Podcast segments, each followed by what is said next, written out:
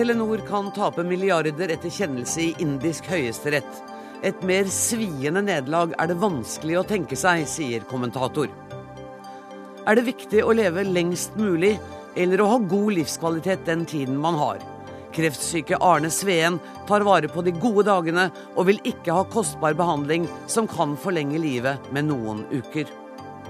Og vi skal høre at i Kairo er det i ettermiddag kraftige sammenstøt mellom studenter og militære.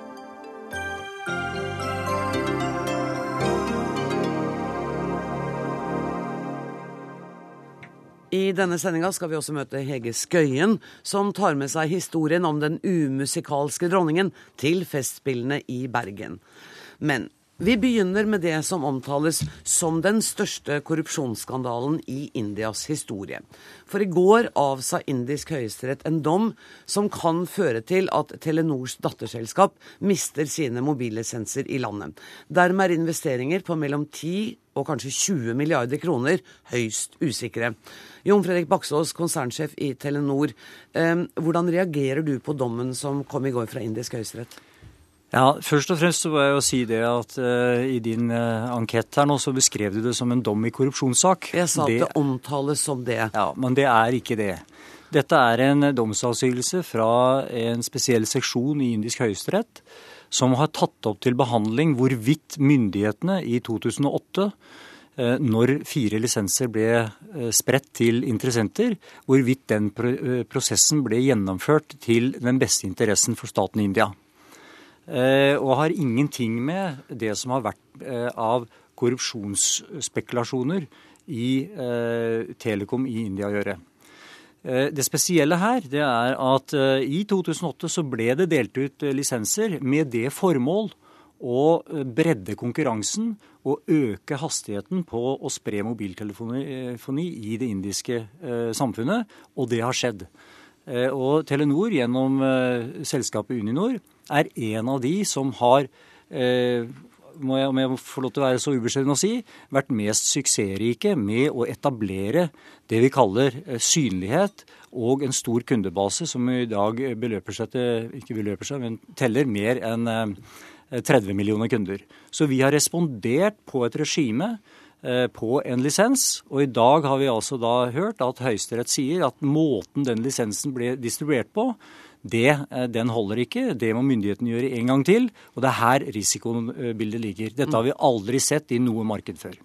At, uh, at Høyesterett altså gjør, utferdiger en dom som får den type tilbakevirkende kraft. Det kan altså i verste fall bety at hvis lisensene skal ut på markedet igjen, så må dere kjøpe den, altså kjøpe samme vare for to summer. Ja, og det kan se nesten verre ut enn det. fordi at uh, den gangen ble, uh, lisensene ble delt ut, så var man nøye på å si at de som var i telekommarkedet fra før, de fikk ikke lov til å være med på de nye lisensene som kom ut i 2008. Okay. Fordi man ville bredde konkurransen. Og så var det da fire aktører som konkurrerte om lisensen på prinsippet first come, first serve Hvorav eh, Uninor var en av aktørene som fikk lisenser den gangen, og betalte det nominelle beløpet som alle tidligere lisenser fra 2001 og videre også hadde betalt. Slik at den, de, de prinsippene man fulgte i 2008, hadde man for så vidt presedens på gjennom nesten et tiår.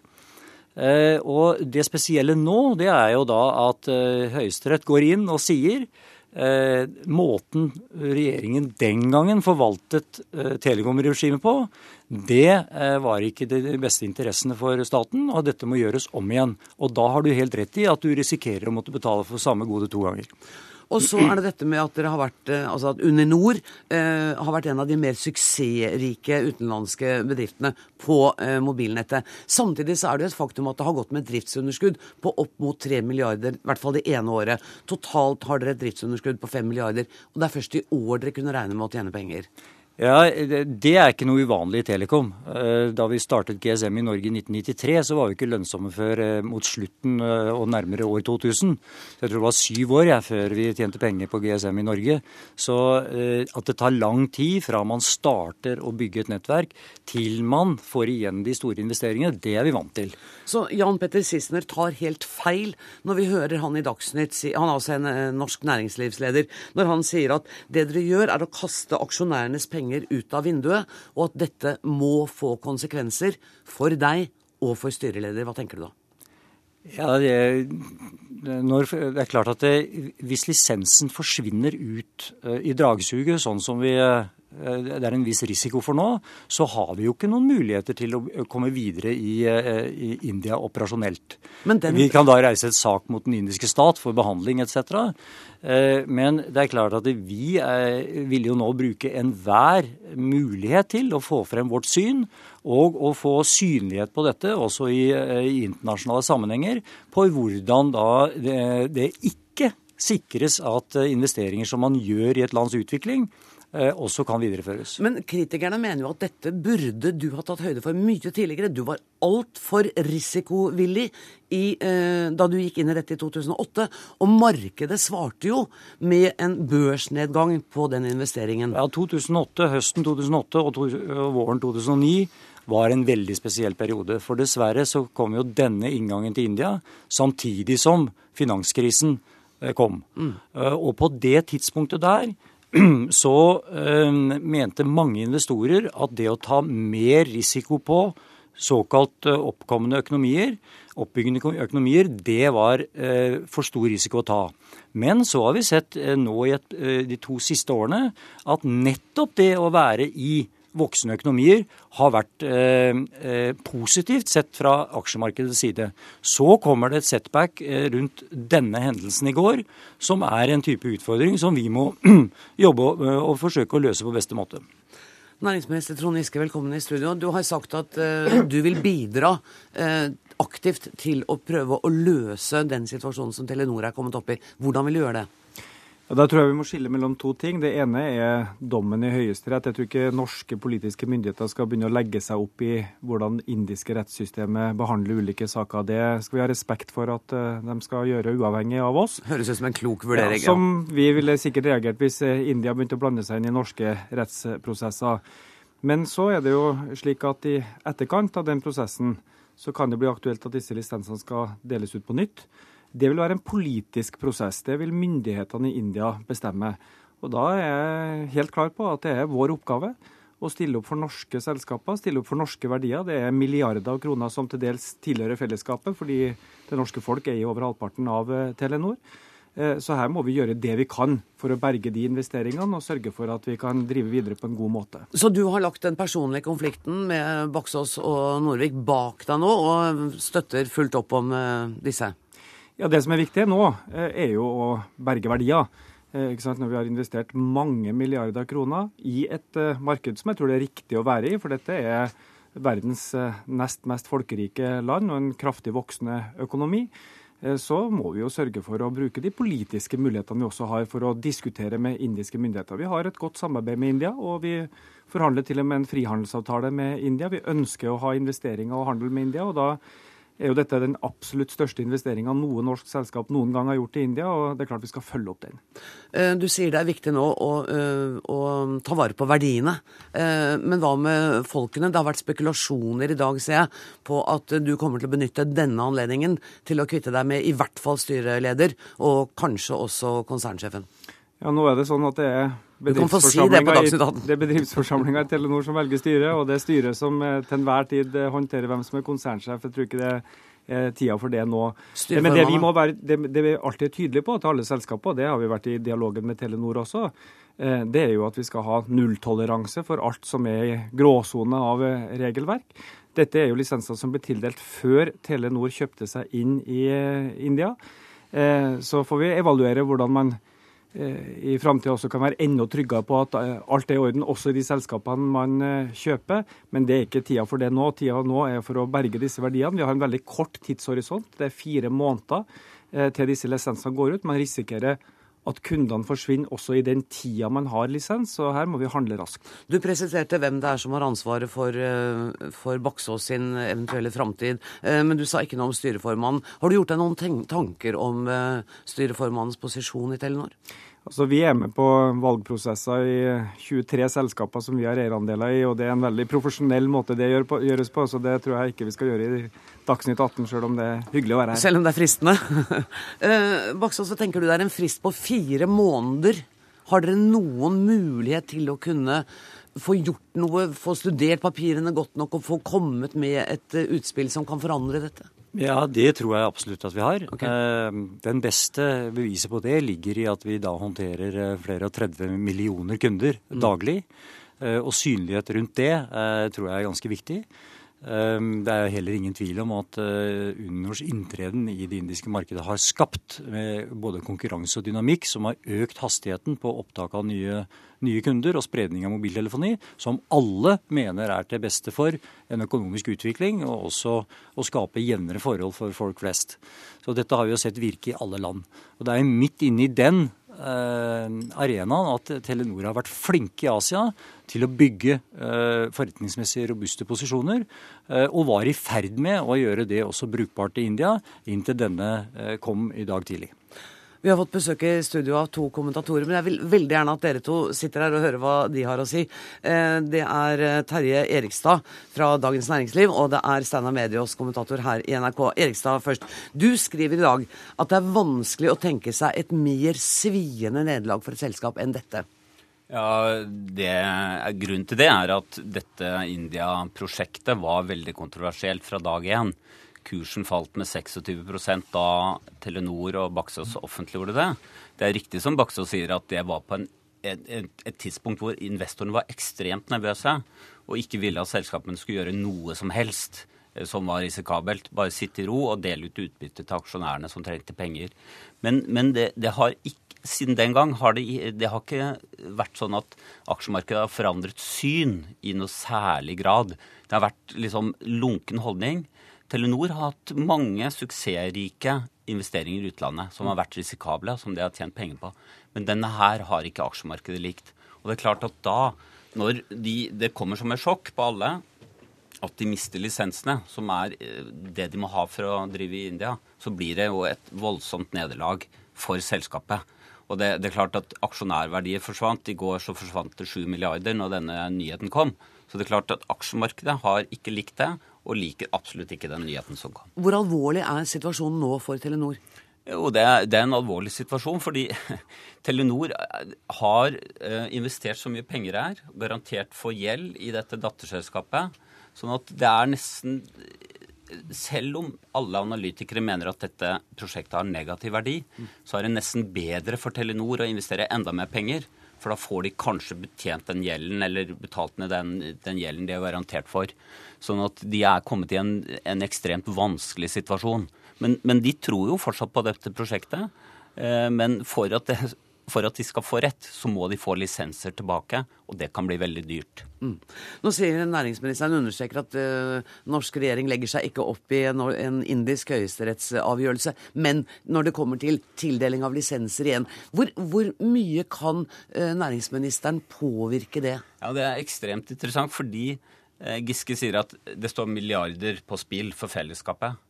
Det interessante er akkurat det som dommerne i Høyesterett har sagt pga. måten lisensene ble delt ut på, så tapte fellesskapet i India milliarder på milliarder. Derfor er det ulovlig. Derfor er de lisenstildelingene ulovlige. Så det er ikke helt riktig når Baksås sier at dette har ikke noe med korrupsjonssaken å gjøre. Det dommerne sier, er at måten det ble delt ut på, gjorde det mulig med korrupsjon, og de med penger hadde mulighet til å grabbe til seg fra fellesskapet. Men Telenor var jo ikke inne da uh, lisensene ble delt ut, så er der riktig. er de på en måte Eller burde de ha sett det? Det er ingenting som tyder på at Telenor har bidratt til noe som helst korrupsjon. Absolutt ikke. Det er partneren som er tiltalt uh, for korrupsjon i India. Og det sies at bevisene mot partnerne er tynne, uh, men ingen dom har falt ennå, så det vet vi ikke. Men hele dommen Eh, som da konkluderer med at lisensene er ulovlige, er i et korrupsjonsperspektiv, hvor dommerne sier at dette må vi gjøre for å forsvare verdiene for fellesskapet. Og jeg vil bare si at det interessante er hva Giske skal gjøre. Altså, Skal Telenor få noen fordel fremfor de andre som deltar i aksjonen? Mm. Eh, skal, eh, har, har Telenor rett til særbehandling? Eller skal, bare Telenor, skal man bare sikre at Telenor får samme behandling som alle andre som er interessert i lisenser? Mm.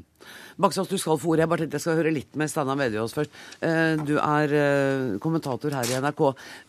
Kommer denne saken til å få noen konsekvenser for ledelsen i Telenor? Bør den det?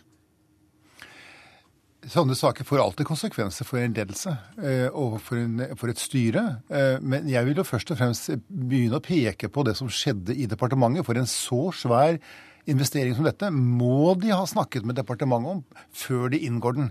De må ha klarert at de hadde råd til å gjøre det, og da måtte de vite at departementet stilte bak. Og det er der jeg tillater meg å, å spekulere litt. Fordi det er nok ganske karrierefremmende i et departement å si ja vel, statsråd. Men i slike saker så skal de ha profesjonelle avdelinger som kommer med faglig funderte råd, og som ikke bare sier ja vel. Og det er ikke sikkert de har gjort denne, denne saken. fordi som, som Erikstad sier, Hele det private investeringsmiljøet sa nei til dette. Det var mange analytikere som var meget kritisk. Og da blir det påfallende at dette går så glatt igjennom i departementet. Det er den første innsigelsen jeg, jeg men, det er all grunn til. Og når departementet skulle ha stilt spørsmål, så burde de også ha undret seg over at kanskje en av verdens største mobiltildelinger, ble gitt til et eiendomsselskap i India som aldri i sitt liv har drevet med mobiltelefoni, og som eh, får det også i en meget underlig seanse, som er altså så underlig at Høyesterett i India sier at dette er i strid med Grunnloven. Og det burde fagavdelingen i departementet også ha stusset over? Ja, jeg syns nok at de burde ha stusset over det. Du sa dette er den første av flere innsigelser jeg har mot dette. Ja, det... Dra lista di så lenge, hvis den ikke er på 17 punkter. Nei, den er ikke så, er ikke så lang. Jeg, men jeg syns det er Det som er eh, også vanskelig i en sånn sak, det er å nettopp å intervenere som departementet nå ønsker å gjøre, og være velvillig. fordi at det kan gi et feil signal til andre typer selskaper at hvis du er ille nok ute, så kommer staten og hjelper deg. Staten er det, stiller aldri de vanskelige spørsmålene på forhånd, men det kommer eh, løpende løpende raskt etterpå. Gjerne med et sjekkhefte, med et blått kort, eller, eller, med hjelp hvis du trenger litt eh, diplomati i, i, India. Og det kan være et feil signal å gi hvis man gir gir dette selskaper som opererer i, i land som har eh, stor utbredelse av korrupsjon. Du sa at nå var du villig til å spekulere litt. Kan jeg få deg til å spå litt også? Hva blir enden på den historien her, tror du? Kommer Telenor til å ha lisenser i India? Jeg, altså, det som markedet frykter nå, er jo nettopp at departementet i samme, si, samrøre med Telenor skal begynne med et endeløst bedt et veddemål inn i, i, i, mot disse lisensene som skal koste eh, vanvittig mye. For disse lisensene er jo nå priset på, eh, på si, med sifre som eh, er ubegripelige for de fleste av oss. Uh, Baksås, uh, Media sier at det, det, er en så svær investering at dere må ha avklart det med departementet. Kan du bekrefte det? Det er jo ikke sånn at uh, informasjonsgivningen og saksgangen foregår på den måten. Nei, Hvordan foregår den? Uh, fordi dette er jo styrets administrasjonens uh, ansvar. Sånn er det med den saken.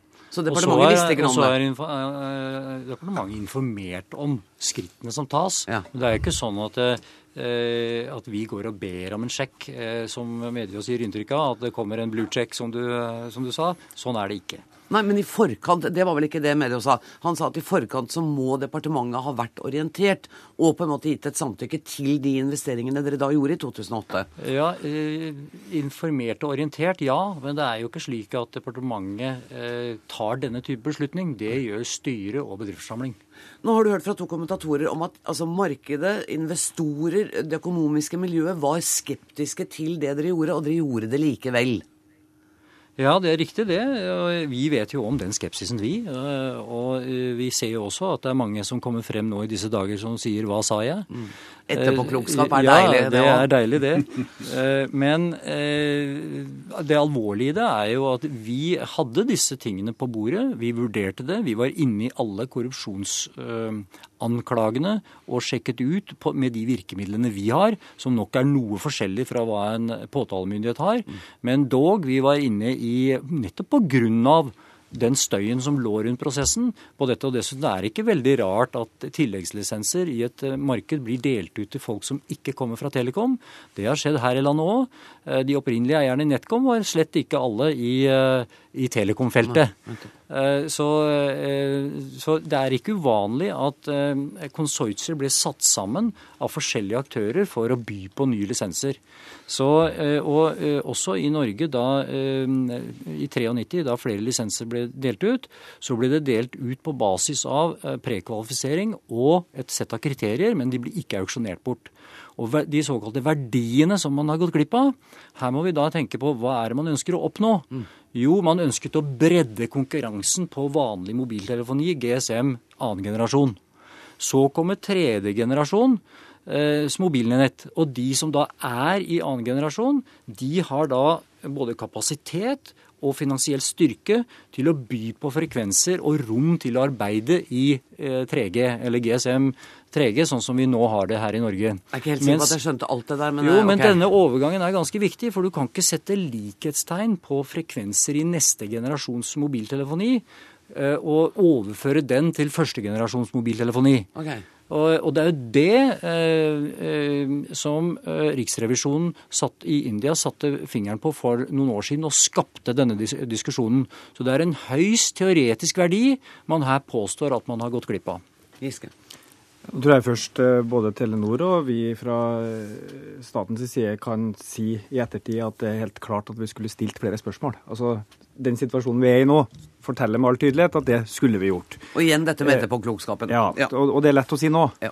Eh, men så må vi også være tydelige på, og det har vi hatt et par eksempler på det siste, at det er altså styret som til sjuende og sist bestemmer om selskapet skal kjøpes eller om selskapet skal selges.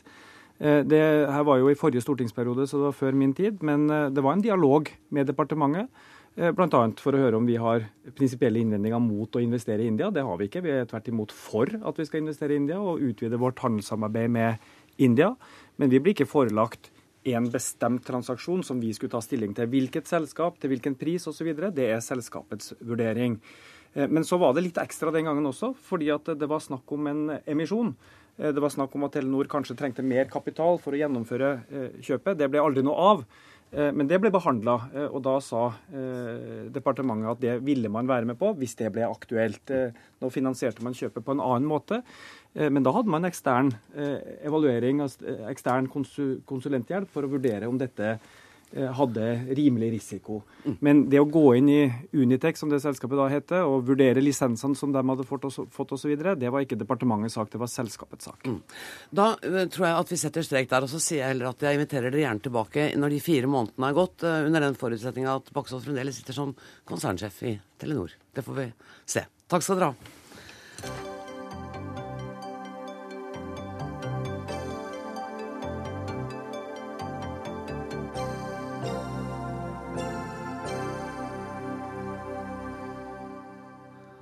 Og vi skal eh, skifte tema ganske kraftig her i Dagsnytt 18 nå.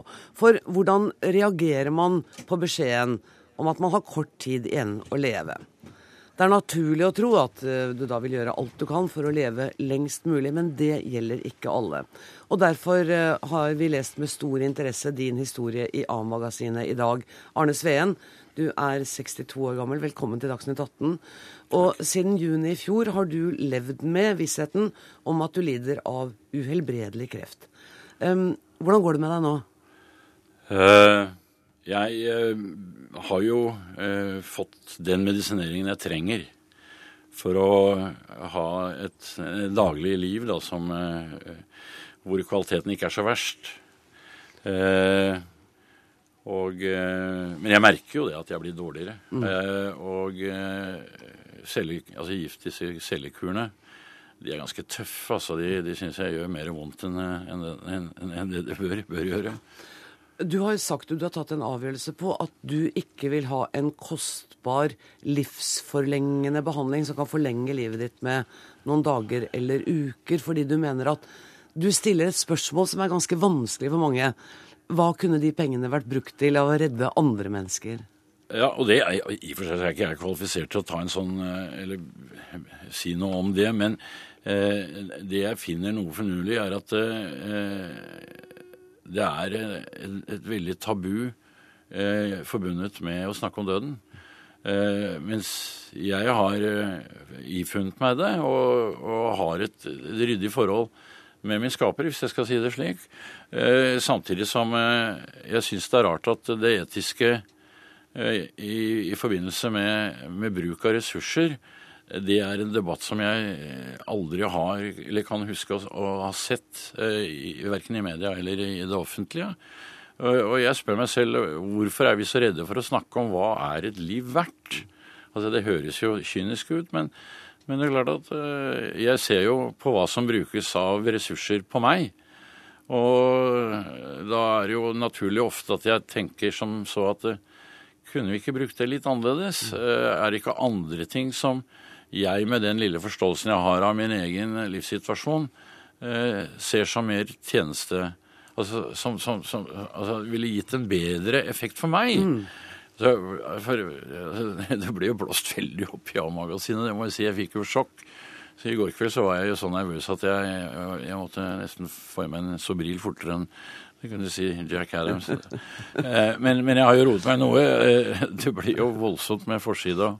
Men, men jeg står likevel for det som, som var sagt. Eh, at man kan nok sette seg ned og se litt på eh, ressursbruken, og da må man tørre å ta den etiske debatten. Mm. Før vi gikk i studio, så sa du at du har vært heldig, du har møtt forståelsesfulle leger, ja. du har fantastisk hjelp av Fransiskushjelpen. Ja. Eh, men samtidig så, så, sier du jo også noe om at eh, leger kanskje ikke er så flinke til å ta samtalen om døden.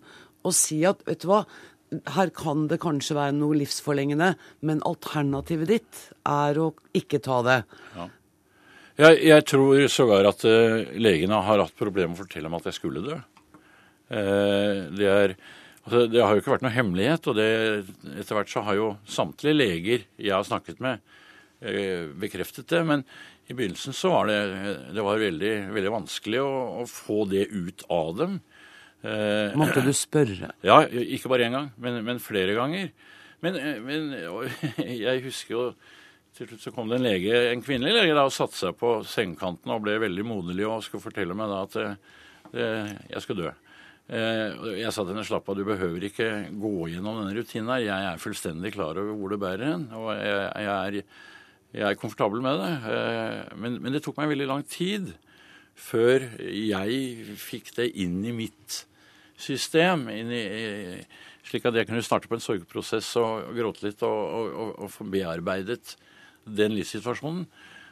Så, så, så, selv der så var det, var det vanskelig å få uh, legene til å, til å frivillig uh, si det.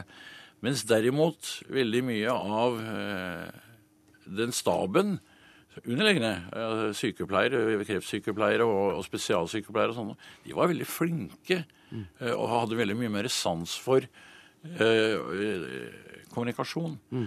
Legene var mye mer opptatt av medisinering mm.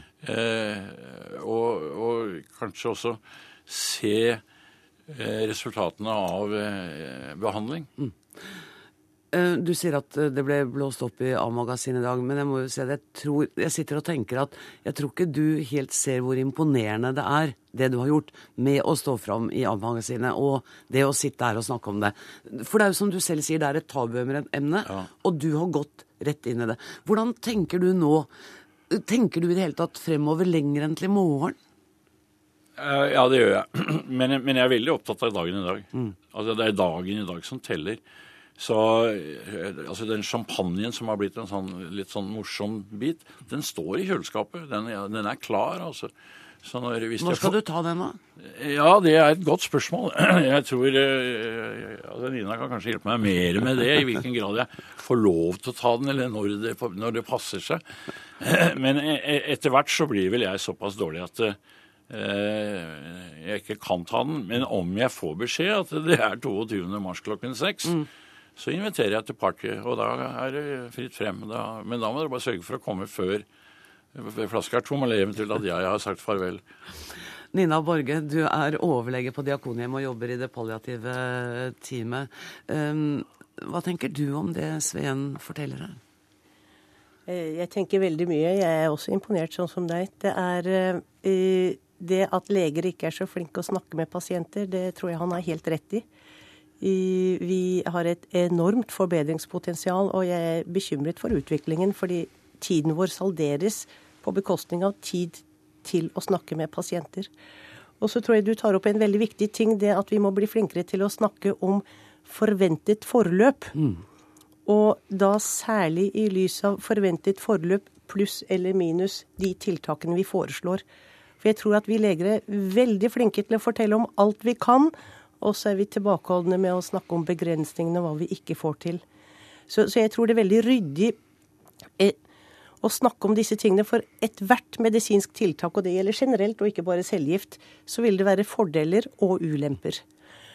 Og det å snakke om disse fordelene og ulempene og legge de på vektskålen, det tror jeg vi doktorer kan gjøre til en viss grad med en antatt konsekvens. Mm.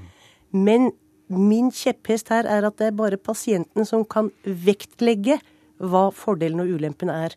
Og sånn som Sveen sier det, sånn, så er det forlenget liv er ikke avgjørende tungt på Sveen sin vektskål. Men for den andre damen, for den andre damen så var forlenget tid avgjørende viktig, og da kan det være feil å gi akkurat samme behandling til to forskjellige pasienter. Og det handler jo også om i hvilken alder man er, ikke sant, og hvor man står i livet sitt.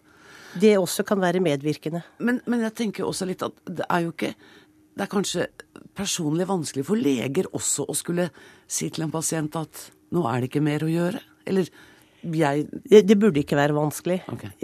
Det er eh, det, det, Nå blir det litt spesielt fordi jeg jobber i palliasjon, og jobber som bare med de med ikke-kurabel kreftsykdom. De som ikke kan bli friske. Ja. Og da er det liksom sånn blitt dagens eh, Det, det er daglig. Mm. Og viktig å snakke om det å dø og forventet levetid, og hvordan man bruker tiden og benytter tiden mens den er der, og livskvalitet. Så det, det er eh, Men eh, hvis man sjelden gjør det, så blir det også veldig vanskelig. Ja, ikke sant. Ja. Men, men, jeg tenker også at um, sånn personlig tenker at det jeg ville vært reddest for, var smertene. Er, sier får... folk det til deg? Det ja, de sier det. De sier det. Men det er i Vi har metoder å få til god smertelindring for de aller fleste. Mm. Bjørn Inge Larsen, du er helsedirektør. Jeg må spørre deg også, Hvordan reagerer du på um, historien til Sveen? Som du sier, så er det jo fortsatt mye tabu eh, knyttet til å, å, snakke om døden.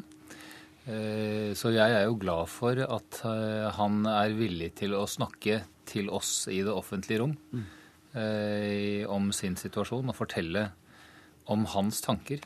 For eh, du har jo gjort det, eh, fordi han sa jo også at det må være mulig å snakke om penger, og hva er et menneskeliv verd. Mm. Og jeg husker jo reaksjonene da du gikk ut og snakket om den dyre Eh, livsforlengende kreftbehandlingen, som kunne være opp mot 700 000 kroner for et godt leveår, mm. og hvor du ble kalt for kynisk og iskald, og at dette måtte Norge ha råd til.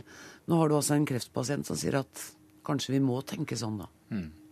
Ja, kanskje vi, kan, eh, kanskje vi, kan, skille litt på to ting som Arne Sveen eh, tar opp. Det, det, ene er at han eh, forteller oss jo at egentlig er han mest interessert i den gode samtalen.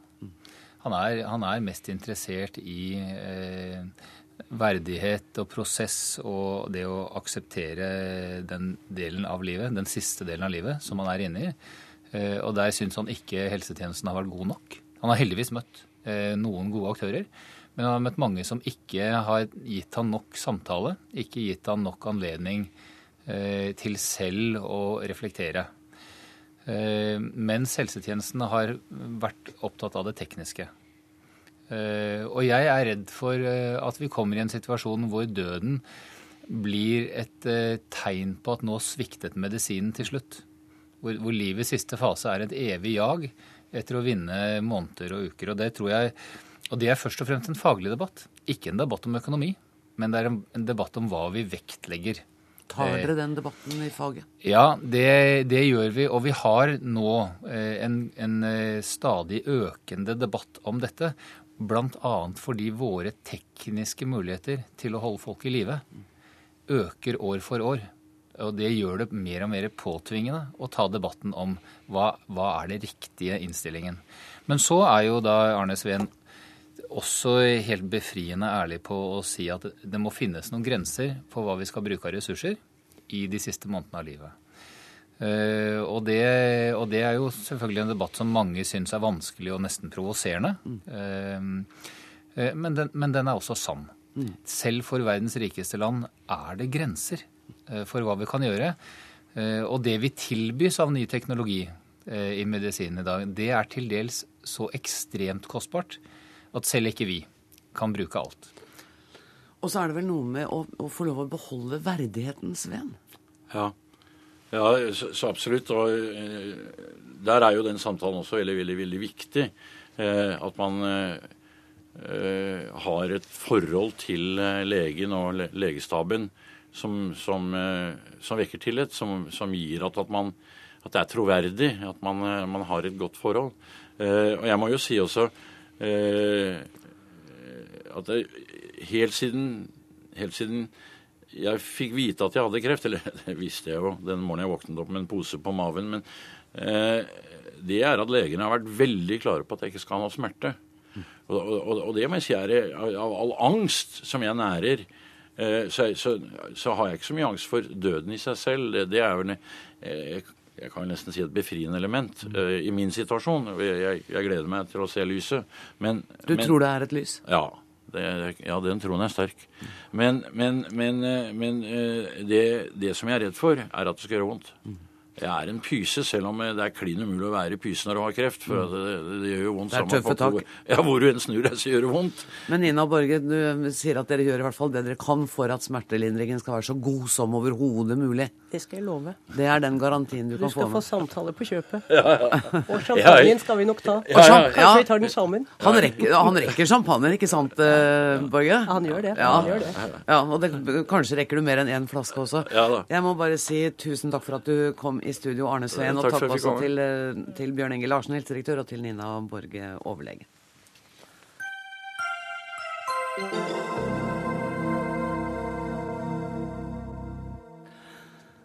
Vi skal uh, utenriks. Demonstranter og politi har i dag braket sammen i hovedstaden Kairo og kanalbyen Suez. Det skjer to døgn etter at 74 mennesker mistet livet etter en fotballkamp i Port Said. Noen av demonstrantene har beleiret Innenriksdepartementet, og politiet har brukt tåregass mot demonstrantene. Siste melding som kom inn før jeg gikk i studio, er at en offentlig bygning da sto i brann. Sigurd Falkenberg Mikkelsen, du er på Tahrir-plassen i Kairo akkurat nå. Hvordan er situasjonen rundt deg? Har den roet seg litt?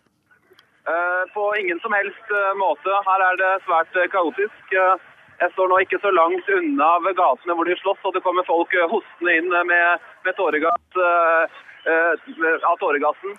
Er, jeg har ikke sett dette bygget som skal stå i brann. Det er mange av de hardeste kampene foregår i frontlinjene rundt, i gatene rundt Tarir. Men her jeg går nå, så kan jeg kjenne tåregassen ganske godt. og at Den begynner å sive inn på Tahrir-plassen også. Så det har vært, sånn har det vært i, stort sett vært sånn i, i hele dag her. Du må beskytte nese og munn mot den eh, tåregassen, for hvis ikke så klarer du ikke å snakke. Eh, men hvem, eh, mens du fortsatt kan det, hvem er det som demonstrerer? Ja, Hovedsakelig så er det nå fotballsupportere fra de to store klubbene her i Kairo som står sammen om dette her. Men det er, hovedsakelig så er det tilhengerne til Al-Ali, den mest berømte klubben i Egypt. Mm. Disse som ble angrepet i Port Said på onsdag. Eh, de mener jo, alle, de jeg snakker med i dag, mener jo at det er myndighetene eh, som står bak det som skjedde. At altså, de er ansvarlige for det som skjedde. Eh, det er vanskelig for oss å få bekreftet, bekreftet årsaksforholdene her, men det er i hvert fall stemningen på Tahrir-plassen, og det gir jo folk et, et veldig engasjement og et, selvfølgelig også et stort sinne mot myndighetene. Så dette er en, protest mot myndighetenes eh, både håndtering av fotballvolden, men også mistanken om at de rett og slett har oppfordret til den? Ja, det er det folk her mener. Eh, de mener jo også at eh, det er en slags hevn for at de har deltatt i oppstanden mot Hosni Mubarak. og mye av sinnet rettes nå mot det regjerende militærrådet. Sånn at det er vanskelig å få oversikt over liksom, hvilke konsekvenser dette kan få. Fordi de politiske partiene har vært hardt ute og kritisert militæret og særlig politiet da, i går. Men de har vært relativt eh, stille så langt. så eh, Hvis dette fortsetter, så kan vi få en ny dynamikk her. Og Vi ser jo da en sånn pågående, egentlig langsiktig kamp mellom to viljer, som jeg tror er det resten av det gamle regimet, eh, og da forskjellige revolusjonære krefter som er aktive på Tahrir. Men nå er det altså da fotballsupporterne som dominerer her. Tusen takk skal du ha, Sigurd Falkenberg Mikkelsen, direkte fra Tahrir-plassen. Og fra Egypt skal vi til Syria, for i dag kom en ny rapport fra menneskerettighetsorganisasjonen Human Rights Watch, som viser utstrakt bruk av tortur og drap av barn i landet, som har vært preget av stor uro siden mars i fjor. Generalsekretær i Unicef Norge, Bernt Apeland, dere kom med en lignende rapport i forrige uke. Hva viser den rapporten dere har? Ja, Den viser jo dessverre mye av det samme. At det er en veldig dyster utvikling i Syria nå. Eh, og at det er en økende vold mot eh, barn i Syria. At Nesten 400 unger drept? 384 barn er det vi har klart å dokumentere. 380 barn er, eh, så vidt vi vet, internerte. Mange av de er faktisk under 14 år. Og mange, mange flere har blitt skadet. Og det er også rapporter om tortur, det er rapporter om tilfeldig fengsling, og det er også rapporter om om seksuelle overgrep. Hvordan får dere opplysningene? Og hvor troverdige er kildene? Ja, dette er jo et veldig vanskelig land å jobbe i for øyeblikket. Mm. Så her er det et lappverk av informasjon fra mange forskjellige kilder. Eh, Unicef har, hatt egne eh, turer rundt i landet i fjor høst. I tillegg så bygger man jo på den uavhengige kommisjonen som FNs menneskerettsråd satte ned i fjor høst. og rapporter fra menneskerettighetsorganisasjoner som vi jobber sammen med i, i, i UNICEF i Syria, som vi har tillit til. Når du sier at noen, det er liksom rapporter om tortur av barn under 14 år mm. Du bør ikke gå i detaljer, men det er, det er liksom nesten vanskelig å begripe at, at man torturerer et barn. Ja, Det er helt ufattelig. og Jeg leste tidligere i dag tilbake en rapport som Grasha Marcel lagde på midten av 90-tallet om nettopp barn i, i, konflikt. Hvor hun sier at når du ser sånne ting som dette, og hun beskriver egentlig tilsvarende handlinger, så er det få avgrunner igjen å gå ned i. Eh, og det er vel egentlig eh, det man sitter igjen med, at dette er jo så umenneskelig som det tenkes kan, og det er helt utålelig, og det må eh, gjøres noe med det. Ja, og, og hvem skal gjøre med, noe med det? Altså Den avmakten man føler, er jo bare helt lammende. Ja, det er jo først og fremst den syriske regjeringen som har ansvaret for sikkerheten til barna i Syria. Ja, og det er eh, de som er ansvarlig for at disse barna blir torturert og drept. De kommer ikke til å gjøre noe med det. Ikke desto mindre er det de som har ansvaret for det, og vi er nødt til å stille de til ansvar for det. Og det er det Unicef har gjort i løpet av det siste året, eh, siden mars i fjor, og gjentagende ganger minne regjeringen på deres myndigheter. Men så er det klart at når ikke det skjer, så er vi nødt til å sette vår lit til at det er andre som tar tak i det. Eh, og nå er det jo, eh, må vi jo sette vår lit til at FNs sikkerhetsråd og medlemslandene der faktisk nå klarer å fatte noen vedtak som gjør at barna i Syria får den beskyttelsen de har krav på. Er det noen tegn som tyder på at Sikkerhetsrådet i FN tar dette så alvorlig at det vil skje? Det er jo ikke vi best plassert i UNICEF til å kunne vurdere. Nei. sånn at det får andre, andre vurdere. Men det er vi må bare fortsette å vise fram de utålelige overgrepene som nå skjer, sånn at det faktisk blir gjort noe med det. For det, er, det kan ikke være tilfeldig når det er nesten 10% av de som har blitt drept i Syria til nå, er barn. Men, men, er det sånn at nå spør jeg sikkert naivt, men er det sånn at dere kan samarbeide med f.eks. Human Rights Watch? At, at, man går sammen og har flere rapporter, mer dokumentasjon, at da er dere mer slagkraftige? Eller konkurrerer dere litt sånn dere imellom? Definitivt ingen konkurranse på å analysere situasjonen og, og, og få sannheten ut. Jo flere som kommer med eh, rapporter, jo bedre er det. Eh, så har vi ulike måter å jobbe på. Eh, Unicef jobber jo som regel da sammen med myndighetene mm. eh, for å få en bedre situasjon i landene. Så vi må balansere. Vi må hele tiden jobbe med myndighetene og få de til å faktisk gjennomføre eh, den politikken som skal til for at barna får den beskyttelsen de får. Så kan andre organisasjoner, som f.eks. Human Rights Watch, som er mye mer aksjonistiske, være mye mer eh, dømmende i sine, sine uttalelser. Vi er opptatt av å få til løsninger. Det er Human Rights Watch også. Derfor er vi ikke konkurrenter. Er det noe norske myndigheter eller Norge kan gjøre her? Norge er jo et medlemsland i FN. Eh, og som sådan kan legge press på FNs sikkerhetsråd for at det gjennomføres eh, tiltak som gjør at barna i Syria får beskyttelse. For det er ikke bare er det at de får nå helt akutte overgrep mot dem, drap, eh, skader, tortur, den type ting. Men det er altså nå bare halvparten av syriske barn som går i skole. Det har, dette får langsiktige konsekvenser. Det er Helsevesenet er i ferd med å bryte sammen. Eh, ernæringssituasjonen blir verre. Eh, dette ser du også i Jemen, hvor eh, flere hundre barn har blitt drept og skadd det siste året, og hvor ernæringssituasjonen er i ferd med å bli helt dramatisk. Sånn at den arabiske våren er nå i ferd med å få en veldig dyster sideeffekt med at barn blir utsatt for mer og mer overgrep. Man skal ikke gradere barns lidelser, men er det sånn nå at uh, Jemen og Syria er, er, to av de landene hvor barns sikkerhet og velferd er mest truet, vil du si? Dessverre er det nok så mye lidelse knytta til barn i, i, verden at det tør jeg nok ikke å si. Men i forhold til uh, intensiteten i konfliktene nå, så er nok dette et av de verste stedene å være. Hva tenker du er det neste steget for dere? Hva, hva gjør dere videre nå? Ja, vi må jo bare fortsette å presse på, både i FN og imot syriske myndigheter, for at eh, barn får den beskyttelsen de skal ha. Og så, så, fort vi kan øke Vi har allerede humanitær assistanse inne i, i landet sammen med eh, syriske Røde Halvmåne, men så fort situasjonen blir bedre, så vil vi også trappe opp det. Jeg må bare ønske deg eh, lykke til med det arbeidet, og så får vi håpe at eh, offentlighet også bidrar til å gjøre syriske myndigheter bekymret over den behandlingen de gir ungene sine. Tusen takk for at du kom, Bernt Appland. Dagsnytt 18 alle hverdager klokka 18.03 på NRK P2.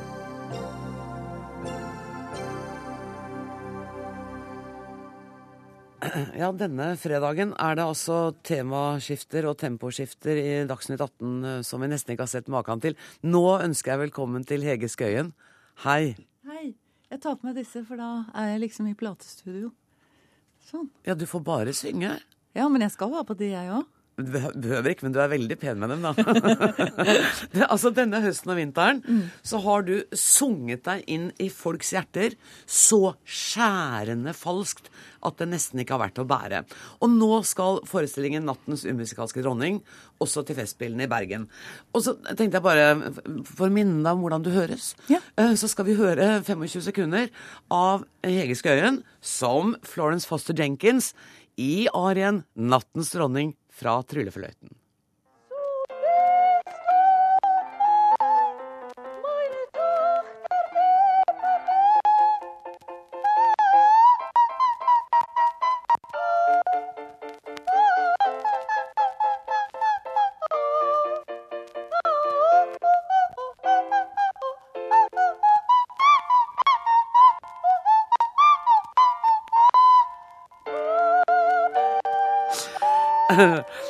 Eh, dette skulle da også illudere en plateinnspilling der for all eh, knitringen. Syns du det er fint? ja, hva skal man si. Det er, eh, det er, vel som det skal være. Men Florence Foster Jenkins, eller uh, som jeg spiller, hun syns jo det er strålende. Hun syns dette er uh, Altså, vakrere blir det ikke. Og jeg vet jo at hun i sitt virkelige liv presenterte flere innspillinger av 'Nattens dronning' for sine venner og sa 'hvilken søster er finest'? Og hvis de ikke sa hennes, så sa hun 'jeg tror kanskje ikke du hørte godt nok etter, skal vi ta det en gang til'? Og de satt der og hørte og hørte helt til de sa 'din er finest'. Ja, ja det syns jeg også. Tror du at hun hørte det rent inni hodet sitt? Å ja. ja. Jeg er overbevist om at hun hørte de nydeligste toner inni seg. Og det er jo det stykket stille spørsmål ved og, og, og, fantasere rundt. Kanskje det var vakkert, vakkert, vakkert inni hennes hode. Ja. Og vi skal ikke røpe slutten, men det, men det er sjelden jeg er og ser en forestilling og ler så mye og så gråter så mye som jeg gjorde på den. Men så må jeg jo si Hegge Skøyen at ja, dette her er altså en dame som er totalt uten timing og musikalitet. Synger skjærende falskt og så skal forestillingen til Festspillene i Bergen. Det er mulig at det er mine fordommer. Men forklar meg, liksom. Hva tenker du rundt det? Jo, jeg syns det er så flott. At eh, Florence Goes to Bergen, det er jo helt midt i blinken. For dette er jo en musikalsk komedie. Og handler jo nettopp om hva er musikk, hva er musikalitet? Hva gjør musikken med oss? Og denne forestillingen eh, er jo som skapt for uh, musikknerder som meg. Og jeg har vel mange likesinnede i Bergen, håper jeg. no offence. Men dette er jo snacks for folk som er interessert i musikk. Og så får de seg en latter på kjøpet og et godt stykke. Mm. Bør man ha hørt disse operaene? Bør man kjenne sin operalitteratur før man går og hører denne forestillingen? Eh, man behøver ikke det. Men eh, jeg tror at de aller fleste langt bak i eh, spinalvæsken sin drar kjensel på ting man ikke helt husker hvorfor. Og vi har jo hørt veldig mange av disse, bl.a. denne mm. 'Nattens dronning'. Det kan godt hende det er mange som ikke vet at den heter det, men med en gang du hører den, så har du hørt den før. Og sånn er det med mange av de sangene som jeg synger i det stykket. Så folk nikker gjenkjennende og holder seg for ørene og, og blir fortvilet på mine vegne eller hennes vegne, da. Du, hvor vanskelig er det å synge liksom en kvart eller en åttendedels tone under det du skal, og til akkurat helt feil takt? For meg er det ikke vanskelig, men det er jo der jeg har min litt mystiske spisskompetanse, og jeg, vet, jeg, håper ikke det er å skryte. jeg tror de færreste vil oppleve det som det, du. Det er liksom en spesialinteresse. Man blir jo nerd i sitt eget fag. Jeg går ut fra at de fleste fag har noe sånt at du, du, legger deg litt på siden av faget ditt, og du vet hva du gjør, og du vet hva du burde ha gjort, og hva du, hva du ligger på siden av. Og det er det som er så morsomt. Så folk hører det er surt, men jeg vet hvorfor. og og i hvor stor grad, da? Fordi at du har altså en diplomeksamen i sang fra Norges musikkhøgskole. Jeg må bare minne, Hadde du glemt det nå? Nei, men, men, det var fint du sa diplom. Det har jeg ikke. Men jeg, en, jeg, jeg er utdannet på Norges musikkhøgskole. Oh, ja. Jeg er villig til å ljuge på meg hva ja. det skal være, ja, for din skyld. Ja, det er fint. Og mange som tror jeg absolutt absolutt gehør, og det har jeg heller ikke. Men jeg har Nei. et skarpt gehør, og det får greie seg. Ja, det er mer enn nok. Du, I denne forestillingen, det, det handler jo faktisk ikke bare om musikken, men det handler jo om å skape denne kvinnen. Eh, så hun får jo en spesiell framtoning og en spesiell gang. Fortell meg litt hvordan du jobber. Det jeg noterte meg, var at anklene dine var blitt helt stive. ja, moren min spurte om det. Hvilken, hvilken sykdom er det du har uh, tenkt ut? og jeg har en eller annen hofteskade som, som, jeg bare fikk i det øyeblikket jeg gikk inn i rommet med de klærne på. Så, så, så låste jeg liksom hoftene, for det var akkurat som det passet til den stemmen jeg la an. Og en viss alder har jeg jo lagt til òg. Det blir jo sånn man leter og leter og tviler og tviler og vet ikke sin arme råd og tenker herregud, jeg kan jo ikke bare gjøre meg til, for det er, ser jo ikke bra ut. Men til slutt så finner man en eller annen person der inne, og da kommer det sånne ting, skjønner du. Da kommer det et kroppsspråk og en stemme og en uh, Ja, det er veldig skummelt, faktisk. For, for, hun er jo ikke helt uh, god, men hun tar det så veldig alvorlig. Men og, og, jeg får en eller annen sånn strekk i nakken, og jeg har slitt med det hele ferien fordi hun har sånn, sånn has, og det ja. kan ikke jeg noe for. Og, og haken litt innover? Altså, ja. Blir det også bare sånn, eller, eller, har du instruktøren som da sier litt mer inn med haken? Jeg vet hvorfor hun fikk denne, denne apparisjonen, eller hva det heter for noe. Fordi eh, eh, Florence Foster Jenkins var ganske mye større enn meg, bredere enn meg, det skal ikke så veldig mye til. Men eh, så sa kostymedesigneren kanskje vi skal ta noen løspupper, sa han. Ja, sa jeg, det prøver vi. Så jeg har noen svære pupper, og det har jeg jo aldri hatt verken før eller etter arbeidstid. så jeg tok meg de, og da skjønner du, da skjedde noe, for da ble det tungt. Ja. Og enten måtte jeg da liksom gi etter for dem, eller så må jeg kompensere, og jeg valgte det siste. Og da plutselig kommer det noe veldig sånn jorda og driftig og ganske um, sånn matroneaktig over meg som, som, gjorde at jeg kunne reise et helt annet sted inn i huet mitt. Inn i huet. Og så blir jeg som publikummer blir jo glad i henne. Altså, ja, jeg, jeg, jeg blir virkelig eh, Føler en sånn varme for henne, og er så glad jeg slipper å være i nærheten av henne. Ja. Er hun forelska i pianisten sin, tror du? Er det noe erotikk der? Nei, vet du hva. Eh, det tror jeg ikke, for jeg vet at han var homofil, og at hun visste det. Okay. Men det snakker ikke vi om i stykket. Men hun er nok veldig forelsket i uh, musikken, for det første, og i det som pianisten representerer i hennes hode, nemlig et sånt mestermøte i musikk. Mm. Så jeg tror hun føler at de to sammen er en, er en gave. En sjelden, sjelden gave. hun syns jo at han også har litt dårlig gehør, da. Ja, ja. Ja da, ja. men hun tar jo alltid beste mening. Men det er alltid hans skyld, mener hun. Så når han fortvilet prøver å fortelle henne hva som er galt, så, så, så snur jo hun bare tvert og trøster ham. Så, så det syns jo jeg er det stykket. Det handler jo egentlig om pianisten. Mm.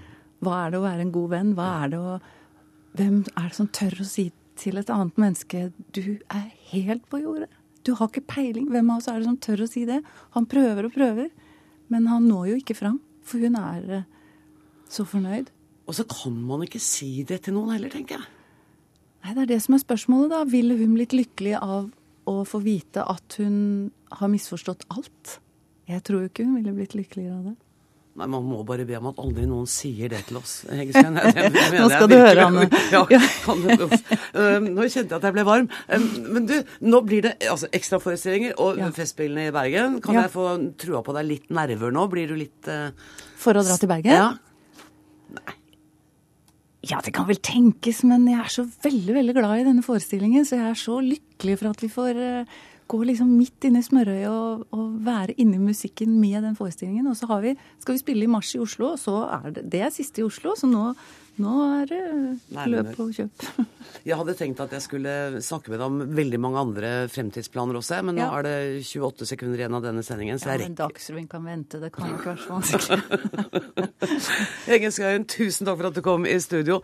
Denne fredagsutgaven av Dagsnytt 18 er over. Ansvarlig for sendinga har vært Sara Victoria Rygg. Det tekniske ansvaret har Odd Slåttland. Jeg heter Anne Grosvold. Ha en riktig god helg.